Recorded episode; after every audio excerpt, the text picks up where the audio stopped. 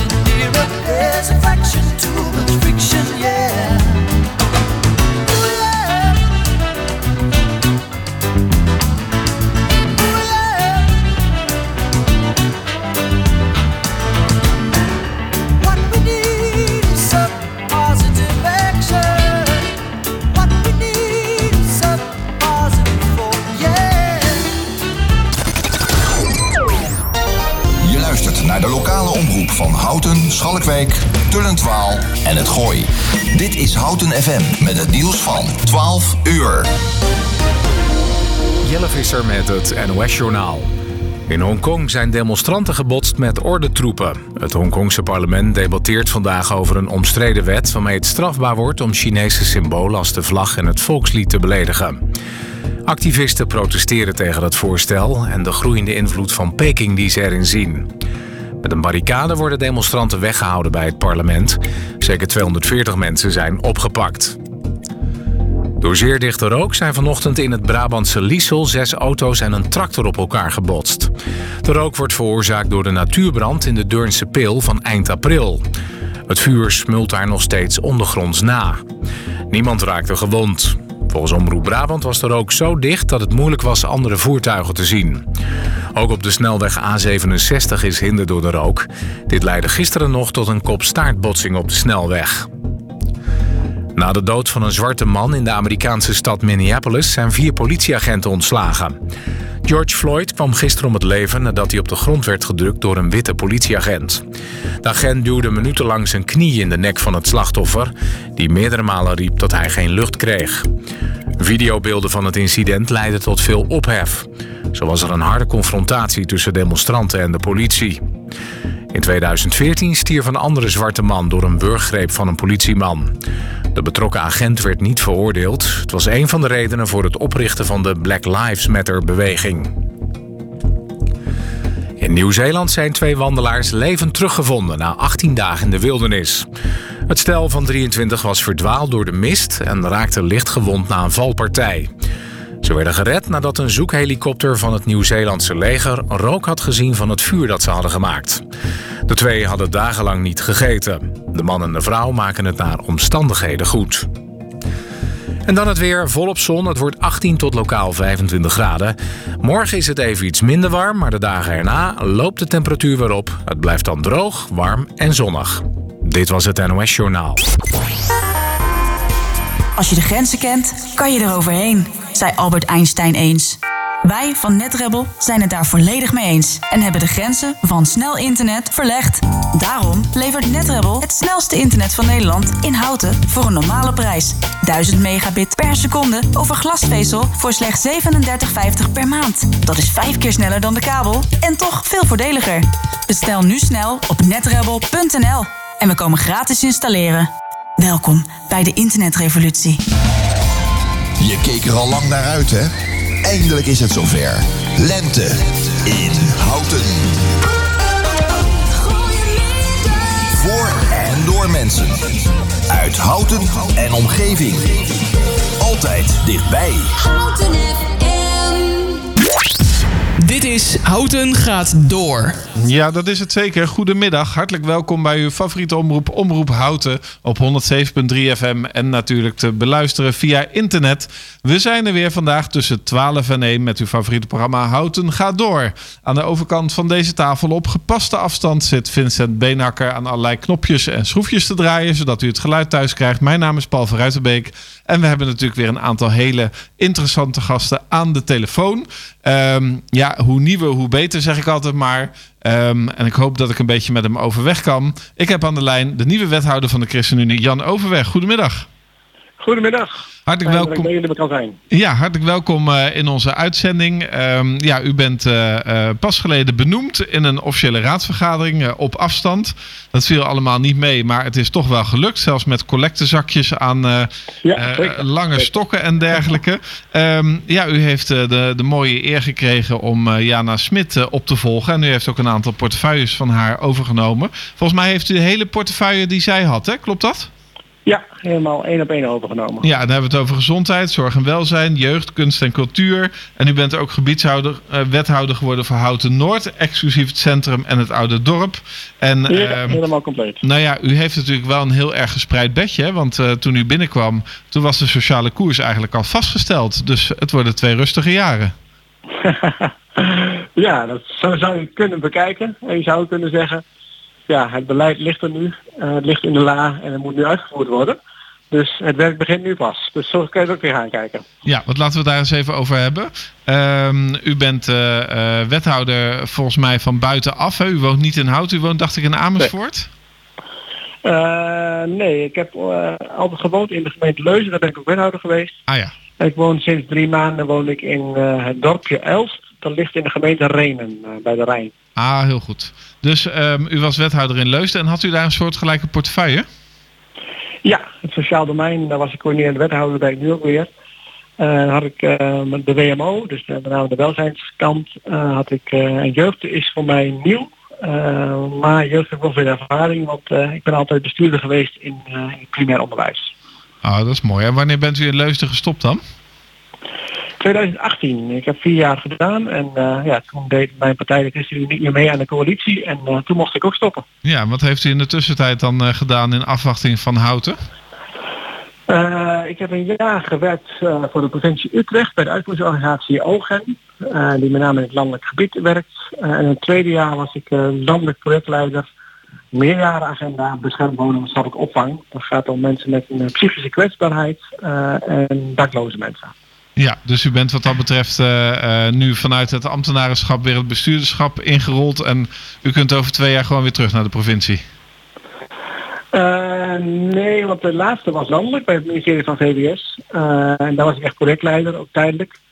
Dus mocht een houten stoppen dan, dan moet ik weer op zoek naar iets nieuws. Ja, er was eh, nog een beetje discussie, eh, in ieder geval bij ons in het programma, over de vraag van goh, wethouders van buiten. Eh begrepen dat een van onze gasten riep ook van nou, misschien komen ze wel naar Houten toe verhuizen. Geldt dat ook voor u? Is het de bedoeling dat u dat mooie plaatsje Elst weer gaat verwisselen voor de prachtige plaats Houten? Ja, ik heb afgesproken met de fractie van de ChristenUnie dat ik dat deze, deze twee jaar in ieder geval niet doe. Eh, dus twee jaar, eh, mocht het zo zijn, eh, over twee jaar dat het verlengd wordt, hè, dan moet ik opnieuw bekijken. Ja, en heeft u dat afgesproken met de oude fractie of met de nieuwe fractie? Want het lijkt er wel op, sinds u binnen bent gekomen, dat iedereen zo snel mogelijk weg wil. Nou, dat was al zo daarvoor. Dus dat is ook de reden dat ik naar Houten ben gekomen. Hè. Daar ligt echt wel een uitdaging. Dus maar beide waren aanwezig, zowel de oude als de nieuwe. En die goed overleg hebben we het zo gedaan. Ja, het is zo dat eh, de nieuwe fractievoorzitter op dit moment commissielid is. Aanstaande zaterdag is ze bij ons in de uitzending eh, bij het programma Daar hou ik u aan te beluisteren tussen 11 en 12. En dan zullen Ja, we haar ook eens even eh, flink gaan bevragen. Ja, die sociale Ja. koers, eh, eh, nou, het lag politiek gevoelig. Het is inmiddels vastgesteld. Ehm, maar de- er zijn wel wat politieke discussies geweest. Hè? De VVD wilde eigenlijk het liefst een budgetplafond. Ehm, Ja. Andere partijen wilden dat niet. Ehm, nou weet ik dat in heel gemeenteland, en dat geldt ook zeker voor Houten, eh, de uitgaves nog steeds eigenlijk veel groter zijn dan de bedragen die daarvoor binnenkomen. En dat er dus wat dat betreft ook wel tekorten zijn. Ehm, Ja. Heeft u ook meegekregen en bedacht, en is het ook uw intentie om op dat sociale domein toch fors te gaan bezuinigen in de komende periode? Eh, nou, dat heeft de, Raad besloten. Hè. Die hebben een aantal leidende principes gemaakt waarin ze aangegeven hebben van eh, de inhoud eh, moet centraal staan. En de middelen moeten volgens volgen, maar we hebben min- minder middelen. Dus we moeten ook minder geld gaan uitgeven. Dus dat is de uitdaging die in de sociale koers nu ligt. En nou, de discussie in de Raad was goed. Ze hebben aangegeven dat ze graag nog wat meer sturing zouden willen zien. Dus daar ga ik aan werken om ook wat meer inzicht te geven in van waar gaat ons geld nou precies heen eh, en wat is effectief en wat is minder effectief. Dus daar wil ik naar gaan kijken. En in tweede instantie, ik wil het heel wat meer concreter gaan maken, dichter bij de mensen en meer inhouden. Dus dat is ook wel een wens die bij de politiek ligt, ook bij mij, eh, om de kinderen, maar ook de ouderen zoveel mogelijk inhouden en zelf eh, de zorg te geven die ze nodig hebben. En zo weinig mogelijk gebruik te maken van complexe, moeilijke eh, eh, behandelingen. Die soms wel nodig zijn, dat blijft ook gebeuren, maar dat willen we graag minder gaan doen.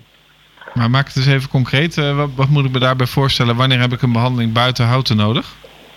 Nou, bijvoorbeeld een jeugdige hè, die gedragsmoeilijkheden heeft, gedragsproblemen heeft. ehm, ja, het kan zover komen dat hij uitgeplaatst moet worden naar een gezin eh, in, maar vaak ook buiten houden. eh, of die komt zelfs in de instelling terecht. Nou, dat zijn gewoon trajecten die goed zijn, maar ook heel duur zijn. En wellicht voorkomen kunnen worden door er eerder bij te zijn en eerder in te grijpen. Ja, helder.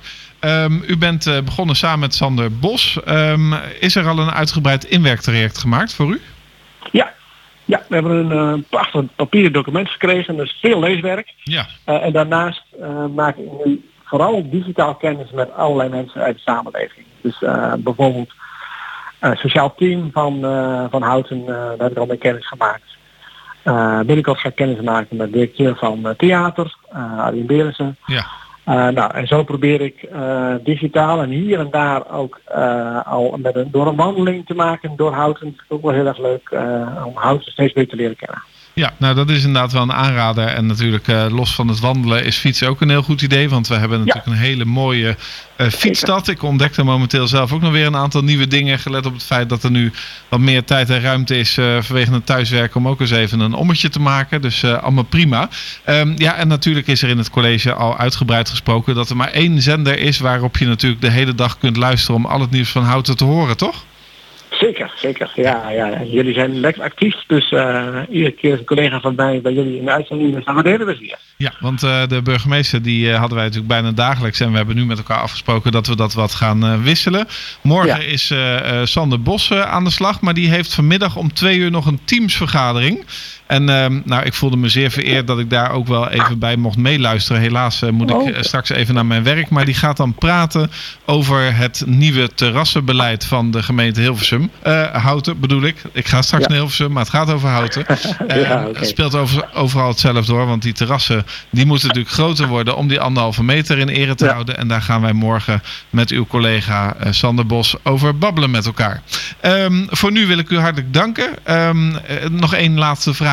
Want ehm, de afstand tussen waar u nu woont en naar Houten, is dat iedere dag heen en weer rijden? Of krijgt u nog een PA à terre? Eh, ik rij elke dag heen en weer als het nodig is. Vandaag bijvoorbeeld, ik heb een thuiswerkdag, dus doe ik alles digitaal, dus dan rijd ik niet naar houten toe. En ik ga even kijken, want ik ben ook wel een openbaar vervoer fan, dus het kan best zijn dat ik ook nog wel regelmatig eh, in de bus stap en in de trein naar houten toe. Ja, u weet het, hè? Boris Dietrich had ook een leuk appartementje in Den Haag. Ja, ja, ja. Ja, maar dat, die als, kijk, als het heel ver is zou je het kunnen doen. Eh, maar eh Elst Houten is een eh, ruim een half uur hè, met de auto en met de trein drie kwartier. Dus dat is allemaal goed te doen. Nou, ik wens u eh, veel succes. Wij gaan u eh, ongetwijfeld binnenkort terug horen. En we gaan met uw fractie eh, aanstaande zaterdag alvast babbelen. En daar hou ik u aan. Hartelijk dank voor nu en een eh, prettige dag. Ja, goede uitzending en ik kom graag bij u terug.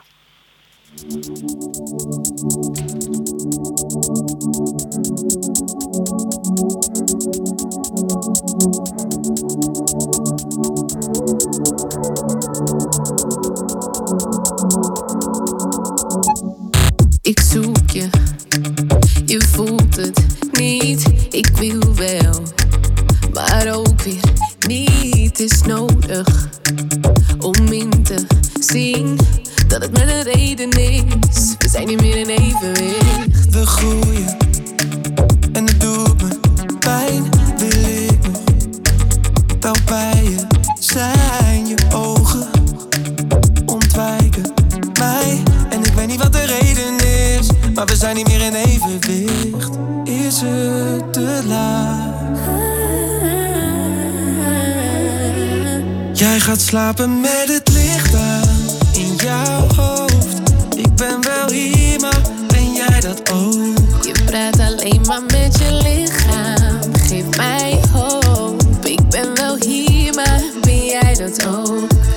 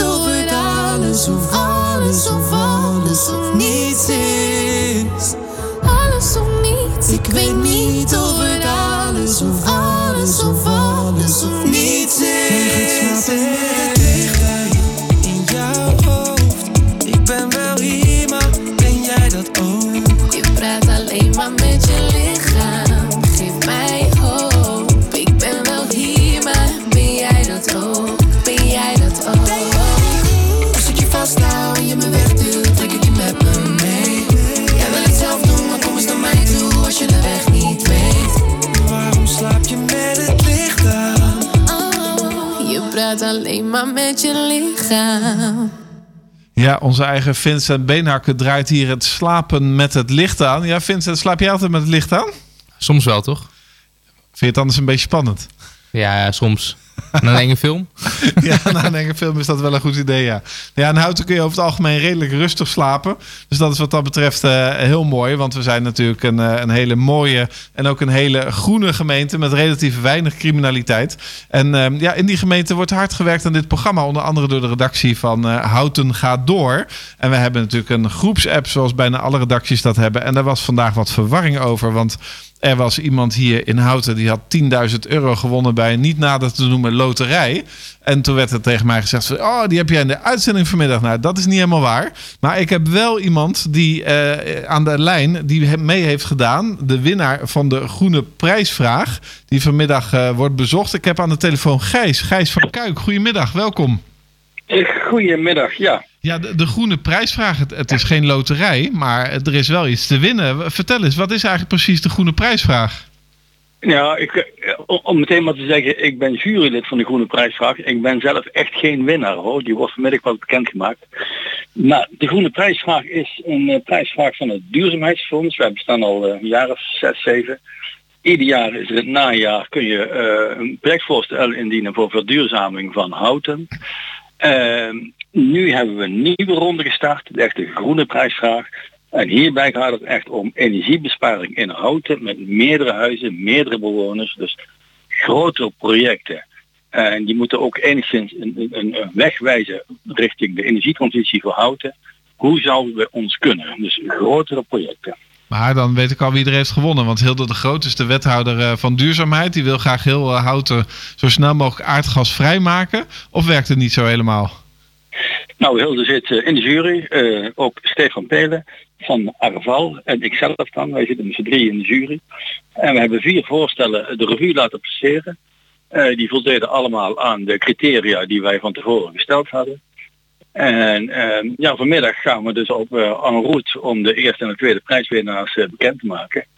En bij die bekendmaking is Hilde er ook bij. Maar Hilde heeft natuurlijk niet alleen voor het zeggen, want we waren een driepersoons jury. Dus of haar voorkeur er 1, 2, 3 met gasvrij uitkomt, dat hoor je vanmiddag. Ja, maar het is natuurlijk ook zo dat zij, eh, als ze in de jury zit, niet zelf de winnaar kan zijn. Want ja, als je in de jury zit, mag je natuurlijk niet meedoen. Ehm, Nee, ik, nee, uiteraard niet. ik heb Nee, nog eh, even twee vragen. Want wat is uw achtergrond dat u in deze jury terecht bent gekomen?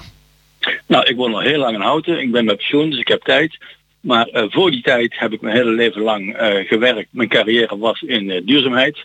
Ik heb gewerkt op de eh, Technische Universiteit in Delft en daar was ik hoogleraar windenergie. Kijk, helemaal goed. Hey, en eh, kunt u iets vertellen over die vier projecten? Ik bedoel, u hoeft het nu nog niet bekend te maken wie er heeft gewonnen. Maar het is voor onze luisteraars wel even leuk welke Ja. projecten er ingeleverd waren. Ja, er is bijvoorbeeld eentje uit eh, de wijk De Hoeven. Die zijn heel actief met verduurzaming. Het heet Future Proof. En daar hebben een aantal huizen zich aangesloten om gezamenlijk zonnepanelen te gaan installeren. Dus die, die trekken zich weinig aan van waar precies de perceelgrens is. Inclusief eh, laadpalen, eh, thuisaccu's en meer van dat. Dus een soort opschaling van de bekende zonnepanelen. Dan hebben we nog het project Duurzame Warmte voor de Bouw. Om te bouwen een wijk in Houden-Zuid. Daar zijn de eh, sommige eh, woningen aangesloten op de warmtekrachtinstallatie van Eneco. Nou, die wordt met aardgas gestookt. Dat moet ook allemaal anders. En zij willen van de warmtenet eh, overgaan naar warmtepompen. En willen uitknobbelen hoe moet dat dan bij ons. Ja. Dan heb je nog het project Energiebesparing voor iedereen. Dat is van Energierijk Houten. Dat is ook een duurzame energieorganisatie in Houten dus. En de Huurdersadviesraad en Milieufederatie Utrecht. En dit project verenigt eigenlijk de huurders van woningen en dan met name de huurders die eh, wat moeite hebben om de energierekeningen te betalen. Dus die krijgen eh, hebben een hele andere aanpak dan andere projecten. Het gaat niet zozeer om investeringen in techniek, maar in eh, het erbij betrekken van huurders en de laagbare grond, nee, de eenvoudige maatregelen doorvoeren die toch geld kosten en daar krijgen ze steun bij. Ja. En dan hebben we nog het project hybride inhouden. In de wijk het hout wordt gekeken, kunnen we de verwarmingsketels die aan vervanging toe zijn, eh, vervangen door een reeks van andere oplossingen. Volledige warmtepompen, hybride warmtepompen, laten bij wat het is. En dat dus eigenlijk als een soort testwijkje neerzetten en kijken hoe het verloopt. En daar kan de rest van de Houdense gemeenschap dan lering uittrekken. Ja, dat is niet verkeerd. Nou woon ik zelf in de Mossen en ik heb een warmtepomp. Ik kan u wel Ja. vertellen dat dat niet goedkoop is hoor. Er gaat een hoop geld naartoe. Dat klopt. Dus de, de, de financiële paragrafen, eh, nee, in al die projecten is natuurlijk ook niet alleen de financiële onderbouwing van hun voorstel, maar ook wat betekent straks voor de huurders. Dus dat wordt wel degelijk meegenomen. Op welke schaal is een warmtepomp maar wel en niet te doen. Eh, eh, bijvoorbeeld bij het laatste voorbeeld wat ik zei, hybride, et cetera, et cetera. Ja, de energietransitie kost geld. Ja. En dat eh, komt zowel van eh, ja, ons allemaal als van de overheid, want er is redelijk wat subsidie voor, eh, voorradig. hè. Ja, want nog een andere vraag daarover. Ik weet niet of u die kunt beantwoorden. Maar wat mij opvalt is dat natuurlijk vooral bij appartementencomplexen. waar zeg maar het dak wordt gedeeld. Is het natuurlijk heel moeilijk om daar zonnepanelen op te leggen. Want ja, daar wonen dus verschillende mensen onder datzelfde dak. Is daar nou al eens een keer een oplossing voor gevonden om dat eh, makkelijker mogelijk te maken? Nou ja, je hebt dan een paar type oplossingen. Kijk, veel appartementen die worden beheerd, om het zo maar eens even te zeggen, door de Vereniging voor Eigenaren. En die kunnen dat dan ondernemen. En dat gebeurt ook hier en daar. Ik weet niet zozeer in Houten, maar wel in het land. Maar het probleem met de Vereniging voor Eigenaren is natuurlijk ook, er hoeft maar één bewoner eh, het niet te zien zitten. En een project loopt stroperig of helemaal niet. Ja. Dus de- daar moet nog wel eh, organisatorisch, financieel, zal ik maar zeggen, het een en ander aan ja, bestudeerd worden. Hoe krijg je dat eh, soepel van de grond? De andere optie is natuurlijk dat bij hele grote daken van sporthallen, van andere complexen, eh, zijn energiecoöperaties bezig om daar gezamenlijk zonnepanelen neer te leggen waar je als inwoner van Houten dan op kunt inschrijven. Ja. En dan ben je dus mede-eigenaar van een, eh, een zonnepark op een heel groot dak. Ja, maar dan moet het wel zo zijn dat je dat wordt dan volgens mij weer verrekend met je eigen energierekening. Ja, Dus je mag ja. weer niet meer opwekken dan wat je eh, zelf gebruikt. Hè? Want voor het meerdere krijg je wel iets, maar eigenlijk heel erg weinig. En die salderingsregeling die gaat volgens mij in 2022 ook eh, vervallen. Ja. Ja, die gaat inderdaad eh, vervallen. Eh, en dan blijft natuurlijk het allermooiste om alles wat je zelf opwekt ook zelf te gebruiken. Ja. Want dan bespaar je de consumentenprijs, dat is het allerbeste.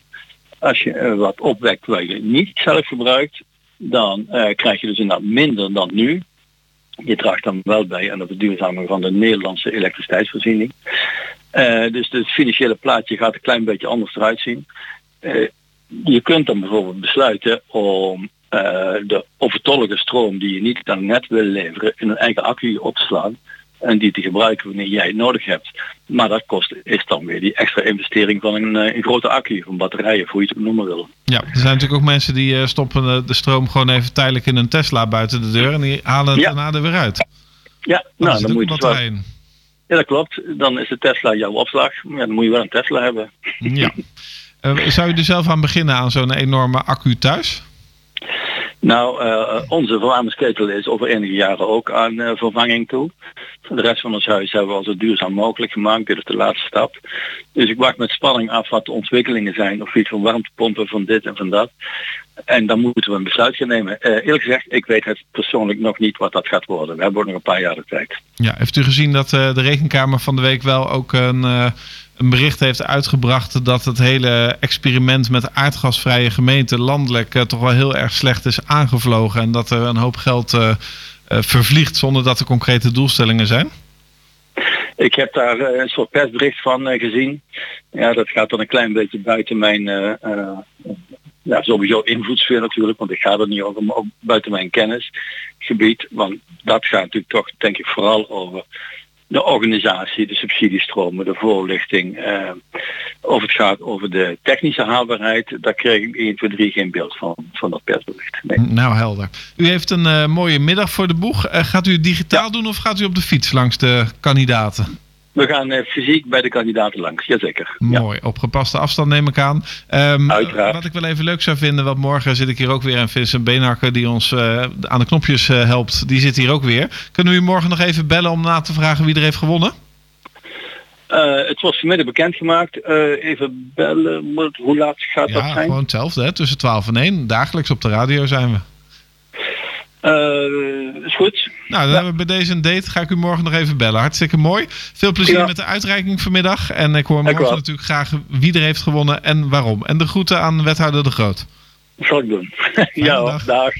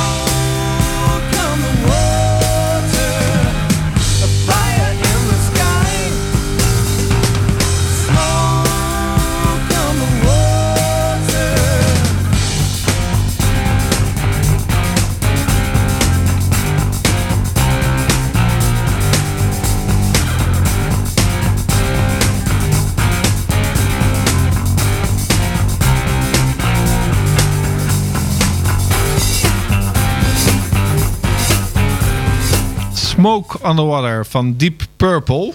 Nou, het eens leuk om dat ook eens te horen. Ik ben zelf vooral fan van eh, Child in Time.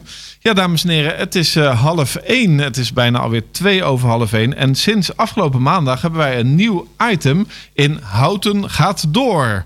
De dagelijkse puzzel luidt Raad waar ik sta. En elke uitzending, dus ook vandaag om half één, stellen wij de vraag: waar sta ik? Soms is het de straatnaam, soms is het een gebouw. U mag het raden. Eerst maar eens even de spelregels. U mag uw antwoord mailen naar studio.omroephouten.nl en dat kan vandaag tot 6 uur.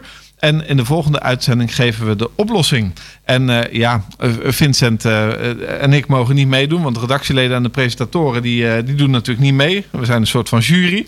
En soms hoef je alleen maar een straat door te geven, dat levert vijf punten op. Soms wordt een pand gevraagd, dat levert drie punten op. Maar ook als je zegt in welke straat die dan gelegen is, dan krijg je daar weer twee punten extra voor. Ik vind het nou wel ingewikkeld worden, Vincent, vind je niet? Ja, een beetje. Maar het is nog te doen. Ja, Vincent is, eh, is goed met cijfers. Bij vier goede oplossingen in één week krijg je een extra bonuspunt. En elke week hebben we een weekwinnaar. En in de laatste uitzending, 17 juli, dan is het alweer bijna zomervakantie. En dan hebben wij de zomerstop. Dan krijgt de grote winnaar een mooie prijs. Nou, laten we eerst maar eens even eh, kijken naar het antwoord van gisteren. Ik heb helaas niet erbij staan wat precies de vraag was van gisteren. Dat zullen we dan volgende keer er wel nog even bij zetten.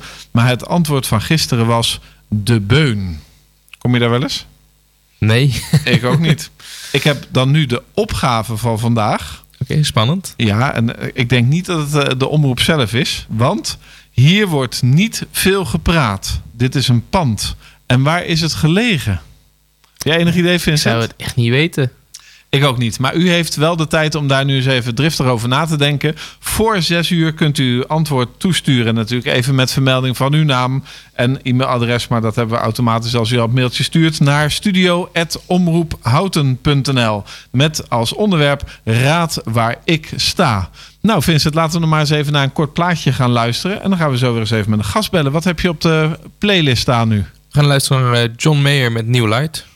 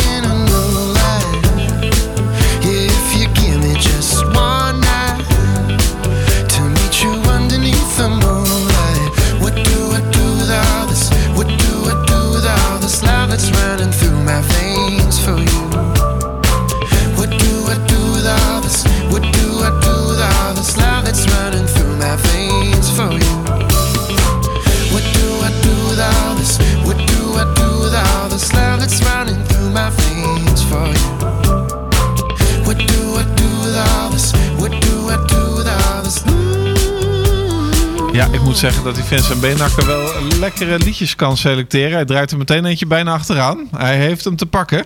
Ja, goedemiddag Harold Goossens, Goesens moet ik zeggen. Hartelijk welkom in de uitzending van Houten gaat door.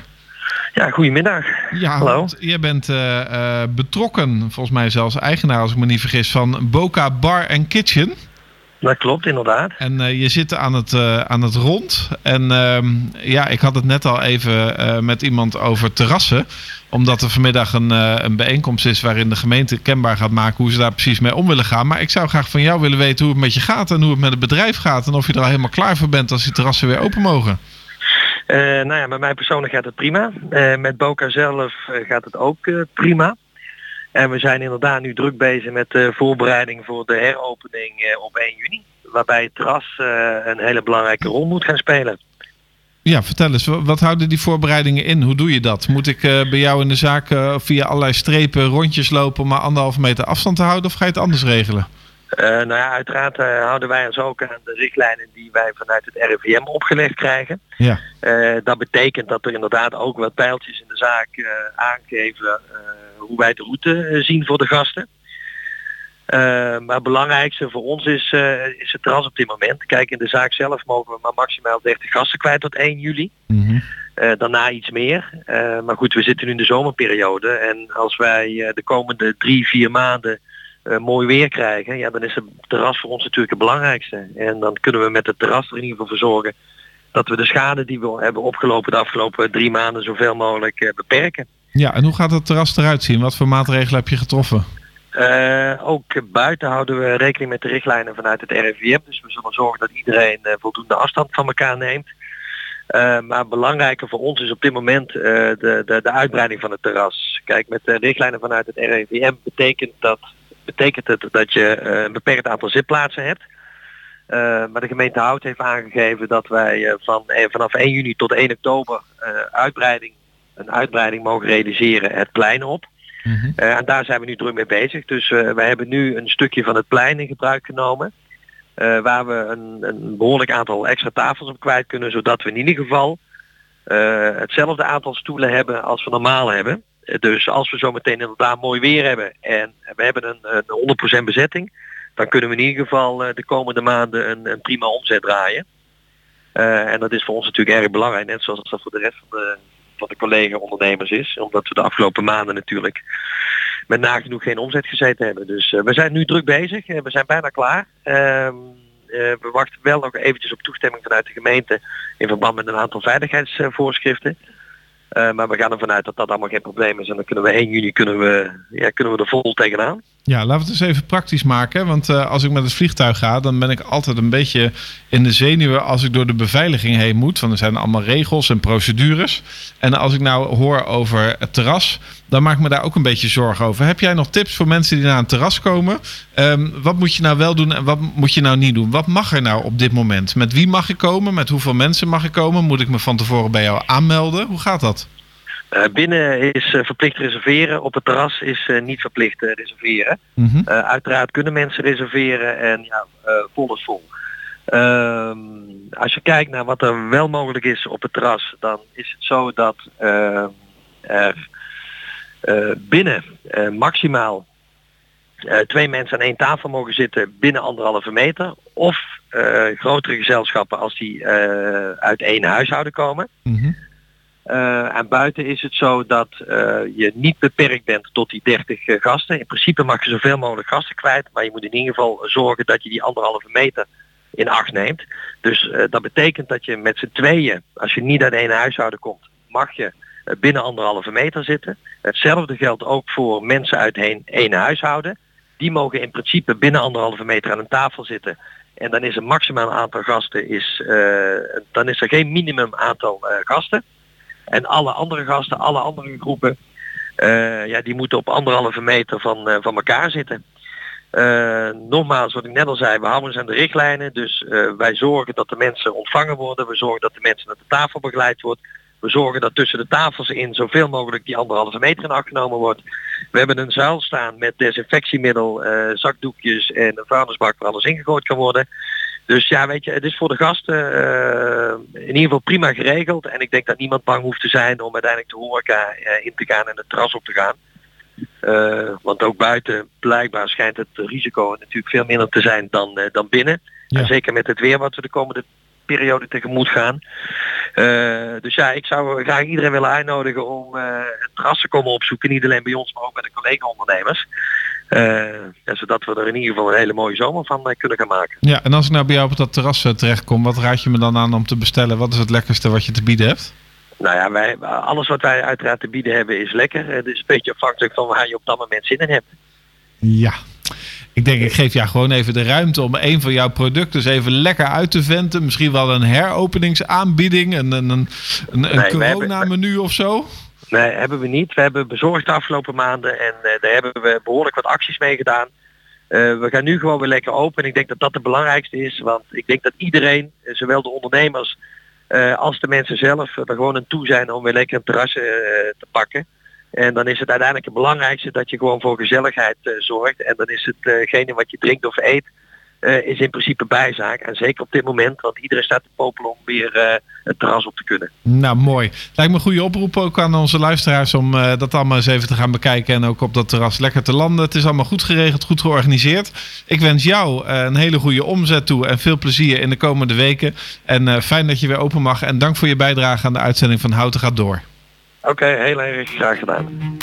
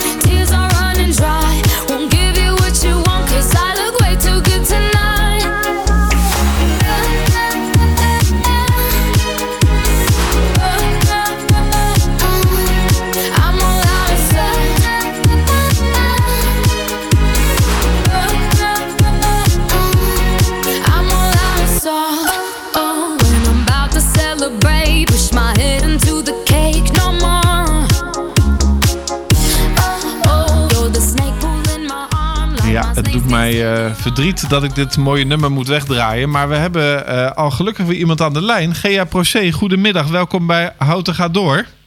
Goedemiddag, Spreek ik jouw naam zo goed uit? helemaal. Ja, Jij bent eh, psycholoog, heb ik me laten vertellen. En verbonden aan twee psychologiepraktijken in Houten. Klopt dat? ja. Ik, eh, nou, ja, ik heb één praktijk, maar ik werk deels voor de huisartsen van het medisch centrum en deels in mijn eigen praktijk. Ja, en wij gaan vandaag eens even met elkaar praten over toch een, eh, ehm, ja, een van de verdrietige onderdelen van deze hele COVID-19-crisis, die we toch hier in Nederland met elkaar hebben. Namelijk het feit dat er eh, toch een aantal van onze inwoners, een aantal mensen zijn eh, overleden daaraan. Ehm, Ja. En dat dat grote gevolgen heeft voor de mensen die daar ehm, bij betrokken zijn. Familie, vrienden, kennissen. Ehm, en, en de rest van de omgeving. Ehm, zou je daar eens iets over kunnen vertellen? Wat, wat gebeurt er op dit moment met mensen die in aanraking komen met iemand die overlijdt door corona? Nou kijk, als je kijkt ook naar de verhalen die je hoort om je heen van hoe mensen vaak ook in coronatijd eh, overlijden, dan is dat vaak heel geïsoleerd. Ehm, in een ziekenhuis, op een IC of in een verpleeghuis waar je als eh, nabestaande heel moeilijk bij betrokken kunt raken. Eh, dus eh, ook het afscheid nemen en het met elkaar ook vormgeven van eh, een, een levenseinde van iemand wordt door de corona eh, ook enorm ingewikkeld. Eh, los van hoe ingrijpend het natuurlijk is dat iemand aan corona eh, eh, overlijdt. Ja. En eh, nou, daar kan ik me iets bij voorstellen. Eh, dat, dat is ook heel ingewikkeld. En wat kun jij daar dan in betekenen vanuit jouw beroep? Nou kijk, we, maken natuurlijk wel onderscheid als ik kijk naar mijn eigen werk of mensen er ook zoveel last van hebben dat je er als psycholoog ook eh, een rol in moet gaan spelen. Hè. Maar eh, je kunt je voorstellen dat vooral als mensen op deze manier dierbaren verliezen, dat eh, rouwen en het verwerken ook gecompliceerder wordt. En dan kan het soms wel zijn dat ook een psycholoog daar een tijdje in, in, in begeleidt. Om dat, om dat ook te helpen ja, goed, goed te volbrengen. En eh, ja, ik kan me voorstellen dat mensen natuurlijk nu ook als het gaat om een begrafenis, eh, mogen maar een beperkt aantal mensen aanwezig zijn. Ik zag Ja. van de week ergens in de krant, ehm, ik weet niet eens meer precies waar dat nou was, maar daar, daar was iemand eh, die lag in een kist zeg maar buiten de tuin. En er was een, een processie van auto's die langskwamen om afscheid te nemen. Ja, dat moet Ja. toch wel heel bijzonder zijn. Nou, dat is ook, dat is ook heel belangrijk. Als we kijken naar hoe komen mensen goed eh, door een rouwproces heen, dan is eh, het, goed kunnen vormgeven van het afscheid een ongelooflijk belangrijk aspect. Eh, ik las laatst ook een artikel van een uitvaartverzorger die ontzettend veel moeite heeft met dat ze nabestaanden er zo weinig bij kan betrekken op dit moment. En nabestaanden merken dat ook. Eh, je kunt heel weinig mensen op een uitvaart toelaten. Soms moet je het echt op afstand allemaal eh, eh, vormgeven. Nou, je kunt je voorstellen dat als je het niet kunt doen zoals je zelf voor ogen had of zoals de overledene voor ogen had, dat dat voor hoe je op een afscheid terugkijkt en op een verlies terugkijkt en dat kunt verwerken natuurlijk enorm veel eh, ingewikkelder eh, is. Dat moet je niet onderschatten. Eh, het goed kunnen afsluiten, dat ritueel goed kunnen vormgeven, is voor mensen van enorm belang om, om een verlies ook te verwerken. Ja, en wat heeft dat dan? Want ik, ik hoor je dat zeggen en ik kan dat ook wel begrijpen en volgen. Maar wat voor functie heeft dan precies dat afscheid? Want de meeste mensen die ik op begrafenissen eh, zie zitten, en zeker de naaste familie, die komen Ja. toch over alsof ze op dat moment in ieder geval ehm, echt complete weg zijn, kwijt zijn door al het verdriet. Ja, maar dan toch, of, of misschien dan juist, kun je vaak enorm veel troost halen uit het feit dat je het wel precies hebt kunnen vormgeven zoals iemand het zelf gewild had. Eh, of zoals je het zelf heel graag voor iemand had willen doen. En als dat zelfs ook niet meer kan, eh, dan maakt het je wanhoop en eh, de emoties vaak nog onnoemelijk veel groter. Ja. Denk je dat het ook nog invloed heeft dat er op dit moment zoveel mensen aan hetzelfde overlijden? Zo van, nou ja, dat was nu eenmaal de tijd waarin we op dit moment in zitten. Nou kijk, ik denk dat, het, dat, dat je het ook wel breder moet trekken. Er gaan natuurlijk ook mensen echt dood aan corona zelf. Maar er gaan ook gewoon nog een heleboel mensen dood aan een heleboel andere oorzaken. En dat gaat gewoon door. Maar eh, in coronatijd maakt het het ook dan veel ingewikkelder om afscheid goed vorm te geven. Omdat je er niet met het aantal mensen bij kan zijn die je misschien wil. Dus eh, het, het, het aspect corona is natuurlijk eh, een heel ingewikkelde factor. Misschien biedt het wat troost dat je zegt, ja, dat, dat overkomt nu meer mensen. Ik weet dat niet of dat zo is, maar ja, ook als mensen niet aan corona overlijden, maar nu overlijden in deze periode, eh, maakt het het niet minder makkelijk. Nee. Als jij mensen eh, bij jou in de praktijk krijgt die ehm, nou ja, zeg maar met, met rouw zitten en die daar nou, vastlopen is misschien niet helemaal goede woord, maar wat kun je dan voor ze betekenen? Hoe pak je dat aan? Ehm, nou, het is dan heel goed dat je zegt van eh, ehm, hè, dat rouwen, dat is niet per se reden eh, om mensen in mijn praktijk te zien. Hè, mensen die rouwen, eh, die moeten we niet zien als psychisch ziek of mensen die direct ook de hulp van een psycholoog nodig hebben. Ook niet direct vragen. Dus rouw is in die zin niet iets waarvan we zeggen, nou dat, dat, dat moet gelijk ook, daar moet gelijk een behandeling bij gestart worden. Maar als mensen echt inderdaad stagneren in hun rouw, daar heel veel moeite mee hebben, dan zie je vaak ook dat mensen eh, depressiever worden. eh, of angstiger worden om weer het leven op te pakken. Eh, en dan komen er eigenlijk bijkomende factoren bij die wel degelijk vaak ook de aandacht van een psycholoog vragen. En dan zit je eigenlijk ook nog weer met het complicerende, dat waar je dan als psycholoog vaak mensen ook weer helpt om zich op herstel te richten, op langzamerhand ook weer een draai te vinden in de maatschappij, dat dat ook nog weer eens eh, gecompliceerd wordt door het feit dat er zo weinig ruimte voor is op dit moment. En mensen kunnen ook heel weinig troost krijgen van anderen, omdat die anderhalve meter eh, er nog eh, bij om de hoek komt kijken. Dus dat maakt het voor mensen heel moeilijk om dit, op dit moment om te rouwen en daar ook de troost en, en, en de, de, de houvast in te vinden. Maar het maakt het voor mij als psycholoog ook moeilijk om mensen ja, eh, ook op het juiste spoor te brengen om, om daarin weer wat, eh, wat grip en houvast te krijgen. Ja, bedoel je met die anderhalve meter dat mensen vooral ook missen dat ze eh, elkaar kunnen aanraken? Absoluut. Ja. Dat vooral. En als je kijkt naar wat mensen als eerste nodig hebben als ze mensen verliezen, is die troost, is, is die arm om je schouder, is dichtbij kunnen zijn. Ja, en dat allemaal ook, niet alleen tijdens een begrafenis of crematie, maar ook daarna nog allemaal niet mogen, omdat mensen vaak niet tot je eigen gezin behoren. Dat maakt het alleen maar eh, zwaarder. Eh, dat, dat, kijk, dat wij straks met elkaar eh, afstand moeten houden op een terrasje, dat is voor iedereen lastig. Maar als je rouwt en mensen verliest en dan niet getroost kan worden, ja, dat is onmetelijk moeilijk. Helder. Laatste vraag. Als eh, mensen, ehm, zeg maar, eh, mensen in hun omgeving kennen of hebben die iemand hebben verloren, kun je dan nog Ja. een, een tip geven of een goed advies geven ehm, hoe je daar zeg maar als, als iets verdere omstanden mee om kunt gaan? Moet je het er juist wel over hebben of moet je het er niet over hebben? Wat, wat adviseer je? Nou ja, hele mooie vraag. Ik denk dat we met z'n allen juist heel erg moeten proberen om mensen die rouwen, eh, die aandacht die ze nodig hebben op een andere manier te geven dan eh, die anderhalve meter. eh, hè. Dus als je niet kan troosten in de zin van iemand naar je toe trekken, geef dan wel op een andere manier een signaal af. En ja, misschien sneller de drempel over om toch nog wel een keer dat appje te sturen of te bellen, dan dat je dat misschien op een ander moment zou doen. Nou, lijkt me een hartstikke mooi advies. Eh, bij deze meegegeven aan onze luisteraars. Dankjewel voor je toelichting en ehm, sterkte in deze coronatijd. Dank wel en voor jullie ook. Dankjewel. Goed zo. Shine a light in every corner of my heart. Let the love light carry. Let the love light carry. Light up the magic in every little part. Let our love shine a light in every corner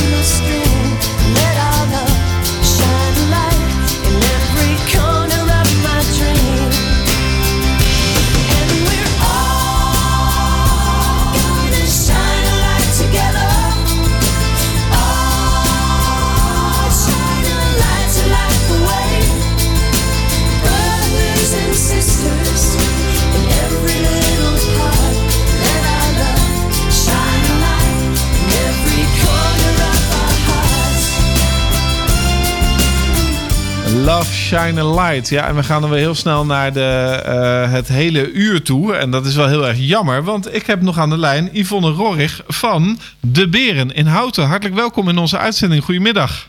Goedemiddag. Ja, het, eh, we ben natuurlijk een beetje veel aan het fietsen in deze periode. En eh, van de week eh, eh, was mijn dochter een beetje aan het mopperen. En die zei, ja, ja het zijn toch wel een heleboel dingen die ik mis. En eh, eh, geloof het of niet, maar eh, ik eh, wil toch wel weer eens een keer graag lekker lunchen bij de beer. En ik hoop dat hij binnenkort weer eens een keer open gaat. Nou, zei ik tegen haar, volgens mij is het bijna zover. Eh, maar eh, hoe gaat het met jullie bij de beren? Ja, het gaat, eh, op zich gaat het goed. We Ja. bezorgen natuurlijk, dus eh, maar ja, je mist de lunch. Inderdaad. Ja, want eh, eh, ik neem aan, we hebben net ook iemand aan de lijn gehad vanuit het rond. Hè? Jullie zitten op een andere locatie, maar er is ook wel, eh, wel ruimte. Maar er is geen ruimte voor een terras, dacht ik. Wij hebben een heel groot terras. Een heel groot terras. Nou, dan, ver- Ja. dan vergis ik mij. Waar, waar zit dat terras dan precies? Wij zitten op de duwboot en voor het pand hebben wij gewoon ons terras zitten. Ah, daar ja, oké. Nou, dan denk ik dat ik een keer aan de binnenkant binnen ben gelopen. en dat heb denk ik, ja. Nou, dat is hartstikke mooi. En mag je het ook uitbreiden, dat terras? Eh, ja, we mogen het ook iets uitbreiden. En, ehm, En, en dat gaat ook gebeuren. ja, hoeveel wordt het uitgebreid? Eh, ja, het is niet dat het hele plein volgezet wordt. Volgens mij krijgen we er iets van eh, tien tafeltjes bij. We hebben, al, we hebben al een vrij groot buitenterras, dus dat scheelt wel voor ons. Ja, ik, ik zit nog even de- wel heel diep na te denken. Want eh, heb je het dan over buitenterras in de hal of heb je het over buiten? nee, echt over buiten, buiten. Echt in de buitenlucht. Oké, nou, ik ga jou beloven dat ik gewoon volgende week eens even langskom. Want eh, die dochter van mij die wil dat natuurlijk graag eens even zien en ervaren en ontdekken. Ja. Ehm, ja de, de voorbereidingen zijn in volle gang. Ehm, eh, vertel eens, wat hebben jullie precies allemaal geregeld om te voldoen aan de richtlijnen van het RIVM? Nou, eh, overal zit sowieso anderhalve meter tussen. Mhm. Eh, ja, je bent verplicht om te reserveren, dat sowieso. En zeker voor binnen. En waar doen we dat? Via welke website? Eh, dat is gewoon via www.beren.nl. Ja. En dan kan je gewoon reserveren. En dan hebben wij eh, twee shifts. Dus dat betekent dat je ook weer iets meer mensen binnen kan laten. Dus de een die komt dan om vijf en de ander die komt om zeven. En hoe laat kom ik voor de lunch? En de lunch is gewoon open vanaf half twaalf tot vier. Dus gewoon onze oude openingstijden. Ja, moet je daar ook voor reserveren? Ja, als je binnen wil zitten zou ik zeker wel reserveren, ja, want dat is gewoon verplicht. Ja, voor het terras hoeft dat niet. Nee, voor het terras hoeft het niet. Nou, mooi. Helemaal helder. En ehm, gaan jullie nog speciale dingen maken? Is de menukaart nog aangepast? Zijn er nog aanbiedingen? Eh, nee, de menukaart is niet aangepast. En we hebben eh, nu ook geen acties lopen. Nee, ik kan me iets bij voorstellen, want eh, je moet natuurlijk je aandacht houden bij datgene wat er nu eh, te leveren is en lekker open. Precies, ja. Ehm, staat het personeel weer te springen om aan de slag te gaan? Jazeker. Maar moet ik zeggen, ze vonden courier ook wel erg leuk hoor, bezorgen. Dus ja, eh, hoe hebben ze bezorgd? Op de scooter of zo? met fietsen en met scooters. Ja, elektrische fietsen hadden we en twee scooters. Nou, niet verkeerd. Mooi. Nee. Nou, maar dat betekent dus dat wij erop kunnen rekenen dat de beren gewoon lekker verder gaan en eh, de coronacrisis eh, in ieder geval tot nu toe goed hebben overleefd. Zeker, ja. Nou, mooi, dankjewel. Ehm ja, we gaan eh, naar de uurafsluiting en ik ga iedereen oproepen om gebruik te gaan maken van onze horeca. Ehm, vanaf wanneer? Wanneer ben je precies open? Wij gaan eh 1 juni om 12 uur weer open. Kijk, precies. Nou, iedereen Ja. staat dan vast in de rij met reserveringen al om bij jullie langs te komen. Dankjewel eh voor jouw toelichting in onze uitzending en eh, veel succes toegewenst. Ja, dankjewel. En jullie ook succes. Ja, dankjewel. Yvonne Mm, Rorik van De Beren. Ja, daarmee eh, zijn wij ook aan het einde gekomen van deze uitzending. Morgen zijn wij weer met hetzelfde koppeltje. Vincent Beenhakker gaat er weer lekker schuiven. En eh, ik ga Sander Bos ondervragen van de gemeente. En we gaan natuurlijk nog even terugbellen om te weten wie er uit die groene prijsvraag is eh, gekomen. Dus luister morgen weer tussen 12 en 1 op uw favoriete omroep. Omroephouten.nl en luister op 107.3 FM.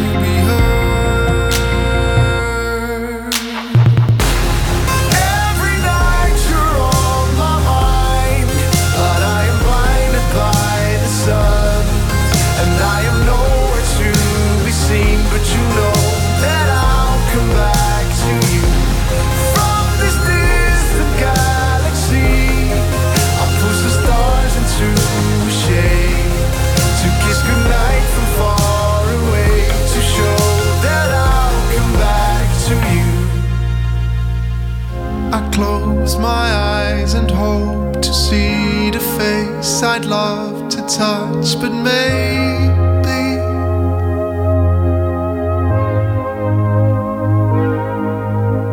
I won't see you anymore, and memories will float so far away, dear, so far.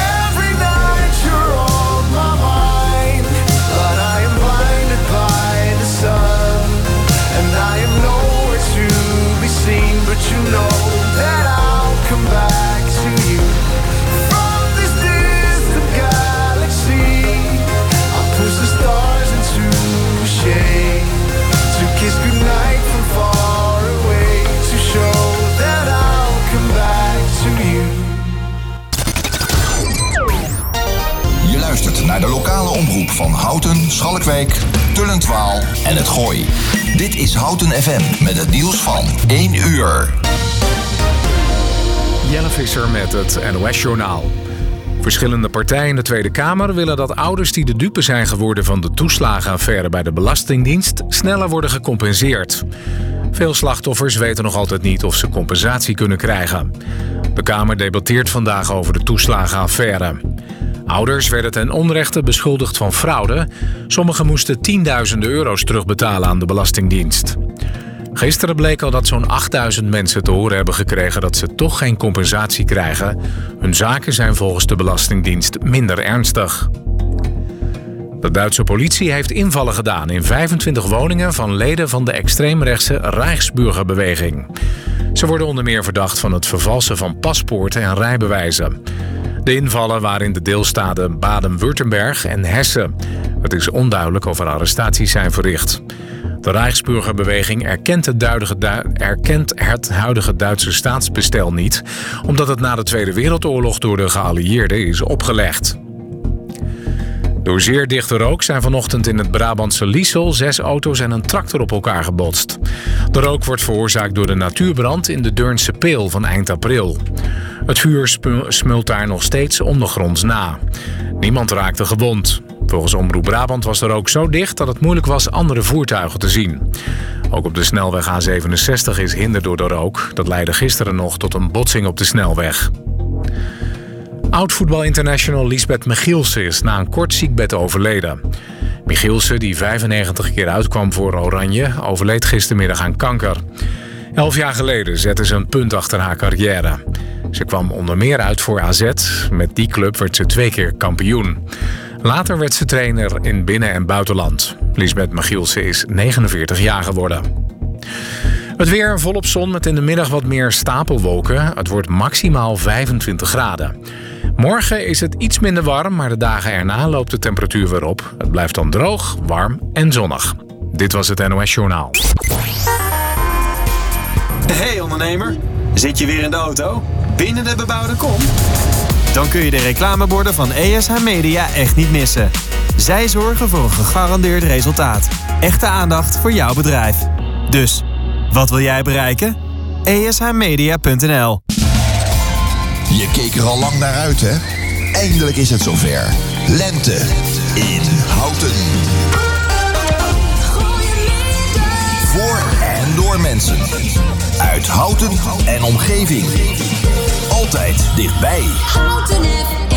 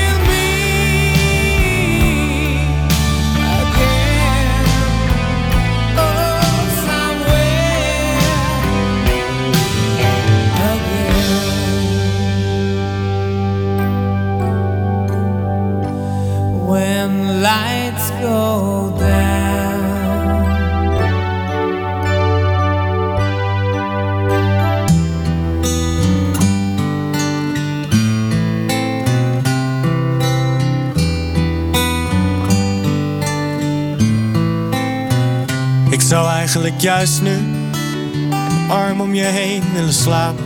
Zoveel nieuws, zo stil is het op straat. Een elleboog was nooit zo beschaafd en er is wel meer raars, want Ik bel mijn moeder met een trilling in de stem. Door wat er moest van de minister-president. Goed bedoeld, stiekem best een beetje eng. En ik denk aan Alle zorg om gezondheid en banen. Televisie is nu alles zo beladen. Ik denk aan grootmoeders en vaders, maar gek genoeg brengt het ons samen. 17 miljoen mensen op dat hele kleine stukje aarde.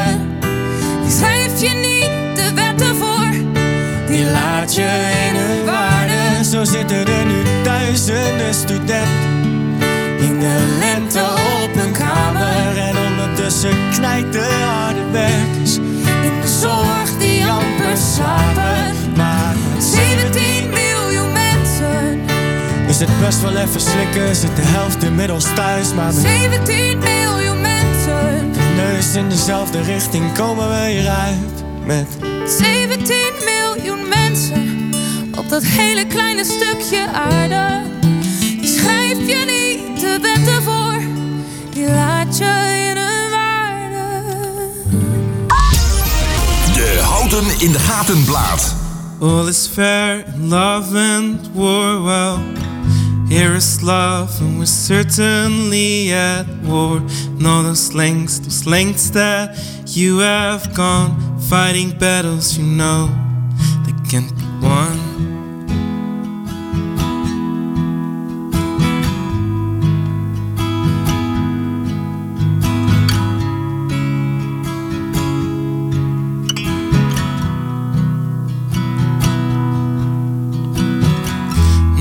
time we sat beside your bed, seven days and six nights, we held your hand, begging down on my knees, begging, please, Lord, put some of that weight on me. No,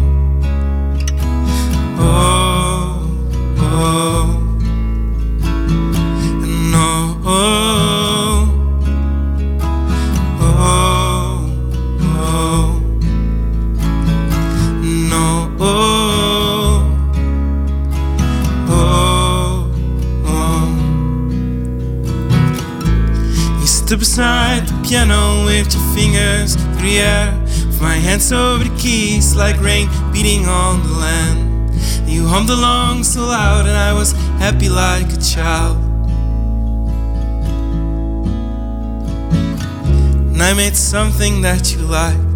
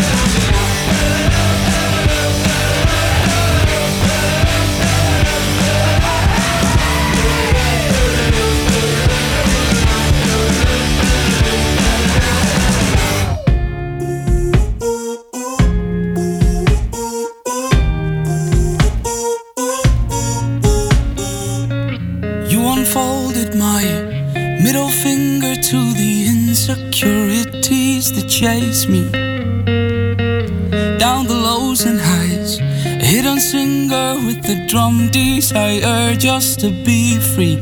I know that it takes long, I just need that one song to get us out of yesterday. I need you to stay strong. Promise this won't take long. And if we turn out not okay, I'll be switching gears. I'll trust you do the same. Looking for tomorrow, filling up the hollow. Switching gears, give meaning to my name.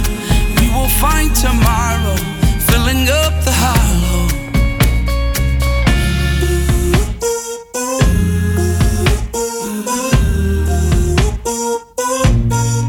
Switch it up. Fighting fears, switching gears, hopeful smiles ear to ear as we try to hear melodies in our tears.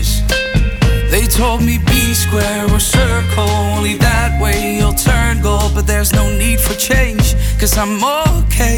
I know that it takes long, I just need that one song to get us out of yesterday. I need you to stay strong. I Promise this won't take long. And if we turn out not okay, I'll be switching